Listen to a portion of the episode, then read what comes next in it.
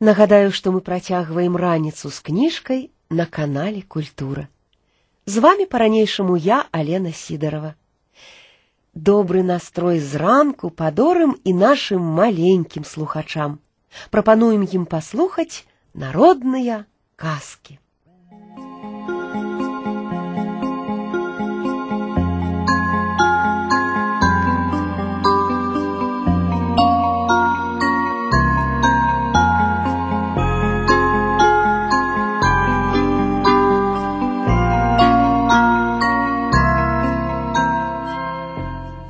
Ты, відаць, не раз чуў, як дарослыя гавораць: без працы няма шчасця. І што гэта сапраўды так, ты зараз пераканаешся. Вось паслухай.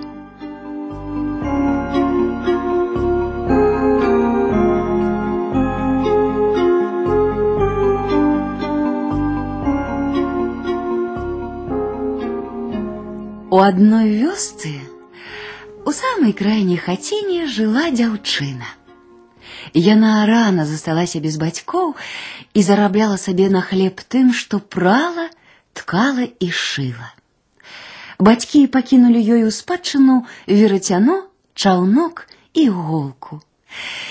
І яна ім не давала бавіць час без справы. Верацяно прала кудзелю, чаўнок снаваў у кроснах, а іголка так і лятала ў дзявочых руках. Таму лён у хаціне ніколі не пераводзіўся. Калі выштукае дзяўчына палатно ці дыван або пашэе кашулю, адразу ж знаходзіцца і пакупнік, які плаціць ёй шчодра. Працавітая старанная дзяўчына не ведала, што такое бяда нястача і магла яшчэ сім тым з людзьмі не падзяліцца. На той час падарожнічаў у тых мясцінах каралевіч. Нявесту сабе шукаў. Бедную дзяўчыну браць яму не дазволена, але ж і багаты ён таксама не хацеў, і ён сказаў: « Маёй жонкай стане тая, што самая бедная і ў той жа час самая багатая. Вось прыехаў ён у вёску, дзе жыла дзяўчына, і пачаў распытваць, як ён гэта рабіў паўсюдна, хто тут самыя бедныя і самыя багатыя. Яму спачатку назвалі багатую, а бедная гэта, маўляў, тая дзяўчына, што жыве на краі вёскі. Багатая сядзела на ганку у святочным уборы, і калі каралевіч падышоў да яе, яна ўстала, пайшла яму насустрач і нізка пакланілася. Глянуў ён на яе, ані слова не вымовіў і паскакаў далей. Калі ён пад'ехаў да хаціны беднай дзяўчыны, яе ля дзвярэй не было, яна сядзела ў сваім пакоі. Каралевіч спыніў каня і ўбачыў праз вакно дзеўчыну, якая сядзела за калаўротам і старанна працавала. Яна падняла вочы і, убачыўшы, што каралевіч заглядзеўся на яе, пачырванела і працягвала прасці. Не ведаю, ці была ў яе на гэты раз роўная нітка, але яна прала да тае пары, пакуль каралевіч не паехаў. Потым яна падышла да вакна, адчыніла яго і сказала: « Нешта ў пакоі горача зрабілася і паглядзела ўслед каралевічу, пакуль бачна было белае пер'е на яго капелюшы. Зноў пачала яна працаваць. Калаўрот круціўся, на верацяно клалася роўная ляная нітка, і раптам прыйшлі ёй на памяць словы, якія неаднойчы казала яе маці, седзячы за калаўротам. І яна пачала ціхенька напяваць: Верацянца бяжы, жаніха мне прывядзі. І што тут адбылося? Верацяно выслізнула з яе рук і пакацілася прама ў дзверы. Калі яна здзіўлена ўстала, каб глянуць, куды яно падзелася, то ўбачыла, верацяно весела скача па полі і цягне за сабою залатую зіходкую нітку. Неўзабаве яно знікла з вачэй. У дзяўчыны іншага верацяна не было, і яна ўзяла ў рукі чаўнок і села за кросны. А верацяно скакала, кацілася, і як толькі нітка скончылася, дакацілася яно да каралевіча. Что я бачу? Здзівіўся ён. Відаць, верыцяно жадае паказаць мне дарогу. Ён завярнуў коня і паскакаў назад, следам за золотой ниткой. А дзяўчына тым часам сядзела за кроснымі і спявала: « Чаўначок мой чы жываей, жениха вядзі хутчэй. І адразу ж чаўнок выслізнуў з яе рук і скочыў да дзвярэй. На парозе ён пачаў ткаць дыван незвычайнай красы. Па краях таго дывана зацвіталі ружы і лілеі. Пасярэдзіне на залатым полі калыхаліся зялёныя дрэвы і скакалі між іх зайцы ды алені, а наверсе сядзелі на галінах пярэстыя птушкі. Здавалася, вось-вось яны заспяваюць. А чаўнок снаваў туды-сюды, сюды-туды, дыван ткаўся на вачах. Вось чаўнок закончыў сваю справу і ўцёк за дзверы, а дзяўчына ўзялася за шыццё. Яна трымала ў руках іголку і спявала: « Ты іголачка ігла у прыгож дом для жаніха.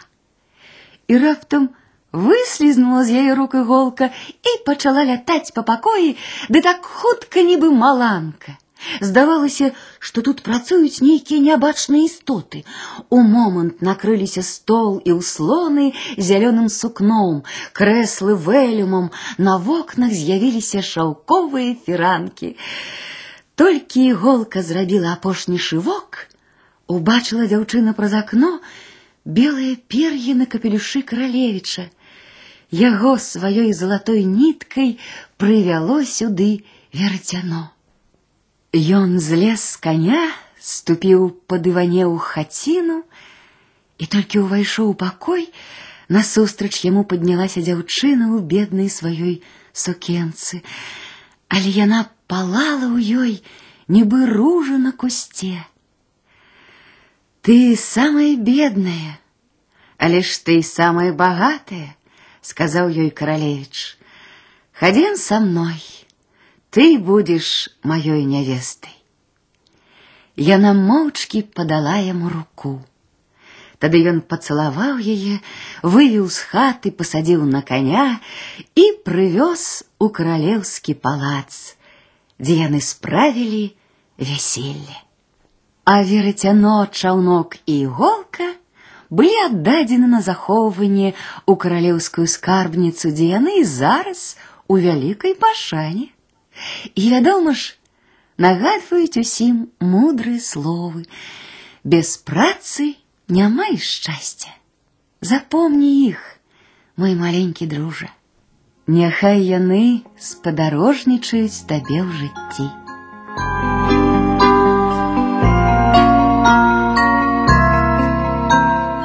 Звычайна, калі гавораць пра асла, то называюць яго упартым. А вось у Казахстане расказваюць казку пра вельмі храбрага асла, які адолеў магутнага тыгра. Паслухай.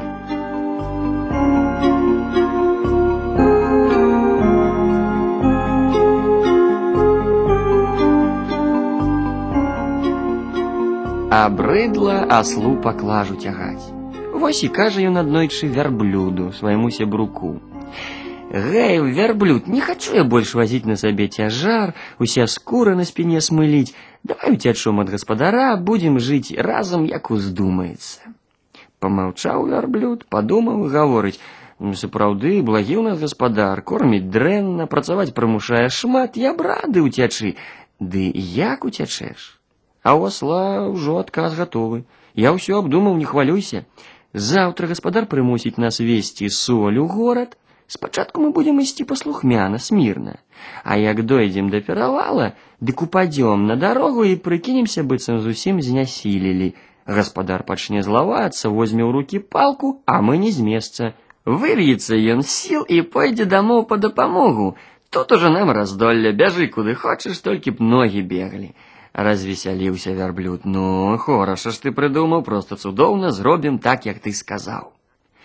Дачакаліся яны раніцы, гаспадар наўючыў на іх мяхі з соллю пагнаў у горад. Палову дарогі яны ішлі як звычайна, вярблюд наперадзе, асёл за ім следам, а ззаду гаспадар з палкай. Вось дашлі яны да перавала, і тут асёл і вярблюд кінуліся на зямлю і прытварыліся, што зусім знясілілі і не могуць трымацца на нагах. Гаспадар на іх сварыцца: Ах вы абібокі, ах вы лежабокі, зараз жа падымайцеся, пакуль палка не пахадзіла па вашых спінах. Вярблюд і асёл нават вокам не міргнулі, нібыта і не чуюць. Разлаваўся гаспадар, давай іх палкай перыць. Ударыў ён вярблюда 39 разоў, нічога. А як замахнуўся ў сыракавы, зароў вярблюд і падхапіўся на ногі. Гаспадар гаворыць: "Ну, даўно б так, а сам падступае да асла, лупцануў яго 40 разоў, асёл не выкнуў. Лупцануў 50 разоў, асёл не ўздрыгнуўся, лупцануў 60 разоў, як ляжаў асёл, так і ляжыць. Бачыць гаспадар, справа дрэнь, відаць, памірае асёл, але што зробіш? скінуў ён за асла паклажу, наўючыў яе на вярблюда і рушыў далёкі шлях. Ледь ногі перастаўляе вярблюд, кляне асла, пракляты асёл, праз цябе я біты іду, двайны цяжар нясу, а асёл пачакаў, пакуль гаспадар з вярблюдам зніклі за перавалам, падняўся і ходу, не разбіраючы дарогі. Бег ён тры дні і тры ночы, прабег тры гары і тры даліны і нарэшце апынуўся на шырокай паляне, недалёка ад хуткай ракі. Аслу спадабалася паляна, ён тут пасяліўся, а палянай ужо шмат гадоў валодаў дужы магутны тыгр. Неяк аднойчы падумаў тыгр агледзець свае ўладанні. Выйшаў ён у дарогу раніцай, а поўдні набрыў на асла. Ходзіць сабе асёл па паляне, абмахваецца хвастом, скубе траву. Тыгр думае, што за звер, ніколі такога раней не сустракаў. А асёл убачыў тыгра абамлеў. Ну, думае, тут мне і канцы. І вырашыў, чым паміраць не абараняючыся, лепш пакажу я тыгру сваю адвагу. Задраў ён хвост, трасянуў вушамі, разявіў шырэй рот, ды як зараве на ўсё сваё аслінае горла. У тыгра аж у вачах пацямнела. Кінуўся ён назад, бяжыць аглянуцца баіцца. Сустрэўся яму воўк. Хто цябе так напалохаў, уладар? Я спалохаўся звера, страшнейшага за якога ва ўсім свеце няма. Замест вушэй у яго крылы, зяпа ў яго шырэй за галаву, а раве ён так, што дрыжыць зямля. Пачакай, цар, пачакай, гаворыць воўк. Ды ці не за слом ты сустрэўся, калі так заўтра мы яго скруцім арканам. На другі дзень воўк недзе здабыў той аркан. Адзін яго канец ён прывязаў да шыі тыгра, а другі да сваёй шыі, і так яны адправіліся на паляну. Воўк ідзе наперадзе, тыгр ззаду. Асёл прыкмеціў іх здалёк і зноў за сваё, хвост угару, зяпу насцеж і раве, як ачмурэлы. Тут тыгр крычыць ваўку: « Гэй, прыцель, ты што цягнеш мяне ў падарунак гэтаму страшыдлу? І рвануўся ён з усяе сілы назад, у ваўка і галава далоў. Прыбег тыгр дамоў, ледзь аддыхаўся. У гэты час прыляцела да яго сарока. Затрашчала, залапатала, распытала тыгра пра ўсё, а потым і гаворыць: « Пачакай, уладар, палячуе на паляну, гляну, што там за звер такі ходзіць і што ён робіць, даведаюся і ўсё раскажу табе. Паляцела сарока на паляну а асёл прыкмеціў яе здалёк, лёг на зямлю і ногі выцягнуў быццам нежывы. Сарока глянула ўніз і вачам не верыць. Страшны звер капыты адкінуў. Спусцілася яна на асла, пахаджвае па ім узад уперад, прыдумвае, што б такое зманіць пра сваю перамогу над страшыдлам. Тут на сваю бяду заўважыла яна на зямлі пшанічнае зярнятка — Хотела дзеўбануць зярнятка, ды аступілася, і яе галава апынулася ў асла між каленямі.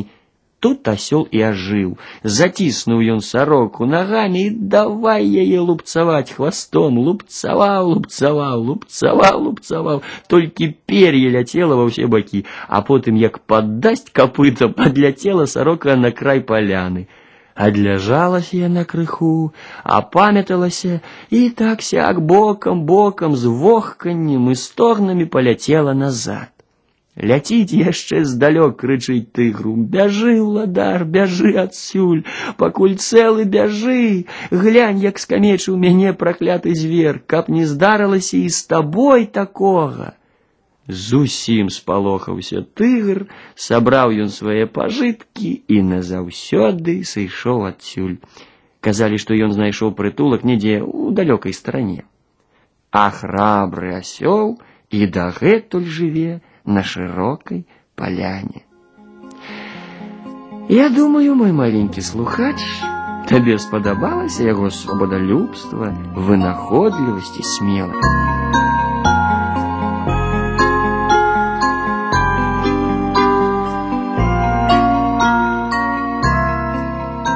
мой маленький слухач. Расскажу я тебе сегодня лезгинскую казку, як кемлівы араты барса правучыў.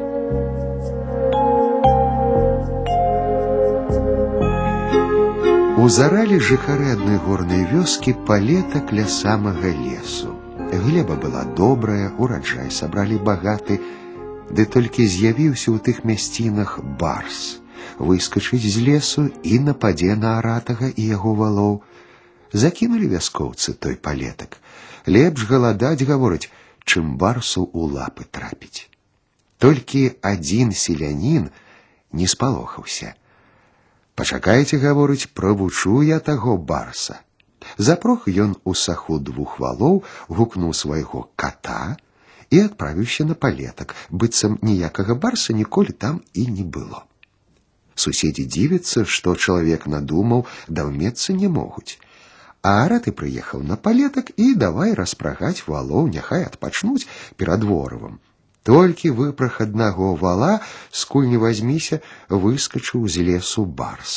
Крадзецца ціхутка, то да зямлі прыціснецца, то прыўзнімецца, трасе вусатай галавой. Учуў яго вол, спалохаўся і ўцёк. Падкраўся барс і ўбачыў кота. Агледзеў яго, здзівіўся і пытаецца: « Ты хто такі? Кот адказвае: « Я сын тваёй сястры, ты мой дядька, а я твой племяннік. Глянуў барс на кота і гаворыць: « Сапраўды ты з нашага роду племені, і вочы, і вушы, і вусы, і лапы, і хвост у цябе такі ж, як і ў барсаў. Толькі чаму ты такі маленькі? А тому, отказывая кот, что трапію я ў руки вунь тому человеку. Попадешься ему, и ты станешь гэткім же маленьким, як і я. Что ж у ім за сила такая? зафыркал барс. Я яго не баюся. Пойду і прыглыну і яго самога і валаў дадатак. Кот гаворыць: « Ідзі, паспрабуй. Барс подскочыў да аратага і зароў: Эй, чалавеча, што ты зрабіў з маім пляменнікам? За гэта я цябе зараз з'ем. Магутны барс, пакорліва адказаў араты. Бачу, што я угнявіў цябе і не будзе мне літасці, але я хачу, каб у цябе было больш здабычы. Здзівіўся барс. Як так? пытаецца. А араты кажа: у мяне два валы, адзін убачыў цябе, спалохаўся і ўцёк. Зрабі ласку. Патрымай гэтага вала, а я пабягу, спаймаю другога і прывяду сюды. Тады ты нас усіх і прыглынеш. А як яго трэба трымаць, пытаецца барс. Давай я надзену на цябе ярмо, вось такі будзеш яго трымаць, адказаў селянін. Ну добра, згадзіўся барс і сам сунуў галаву ў ярмо. Толькі ён улез, а раты спрытна закруціў ярмо жалезнымі зашчапкамі і туга сцягнуў іх рэменем а потым ухапіў пугу і давай хвастаць барса па спіне хвошча ды прыгаворвае а ну ары зямлю а ну цягні хутчэй рвануўся барс туды сюды кінуўся прыціснуўся да зямлі хацеў падскочыць вырвацца ды дзе там а раты сцябае і сцябае яго пугай вол ад страху бегма бяжыць па палетку і давялося дзікаму барсу хочаш не хочаш цягнуць саху разам з валом. А раты падганяе яго пугай ды пакрыквае: не бойся, не памрэш, хутчэй, хутчэй, не збівайся з баразны. Так да паўдня яны ўзаралі добрую палову палетка. А кот побач ідзе на барса паглядае. Пытается тихенько барс у кота. «Послухай, сын моей сестры, ці хутка твой гаспадар отпустить мяне?» Калі станешь гэткім же маленьким, як і я, тады гаспадар тебя отпусціць, адказвае той. Спалохаўся барс, ды я ўжо і так удвая меншы стаў гаворыць. Калі ён будзе да ночы араць, дык я яшчэ меншы за цябе зраблюся.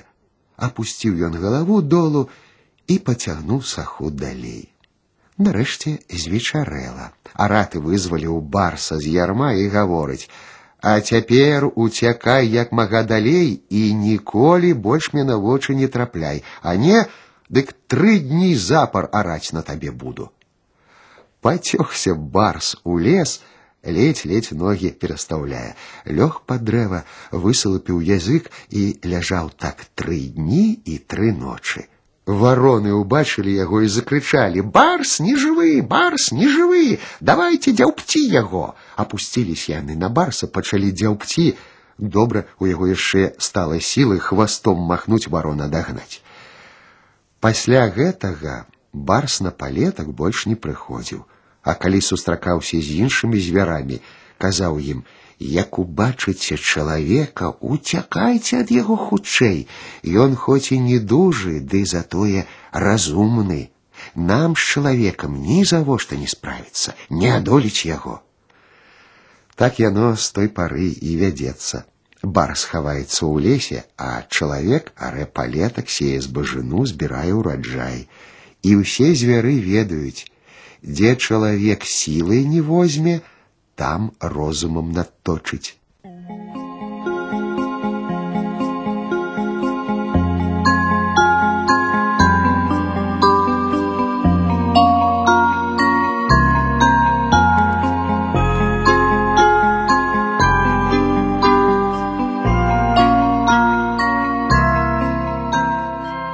Мой маленький друже, я расскажу тебе про шакала, які аб'явіў сябе царом звяроў. Аб'явіць-то аб'явіў, але ж нездарма гавораць: такая праўда, як камень плавае, хлусня, як аліва, заўсёды выйдзе наверх.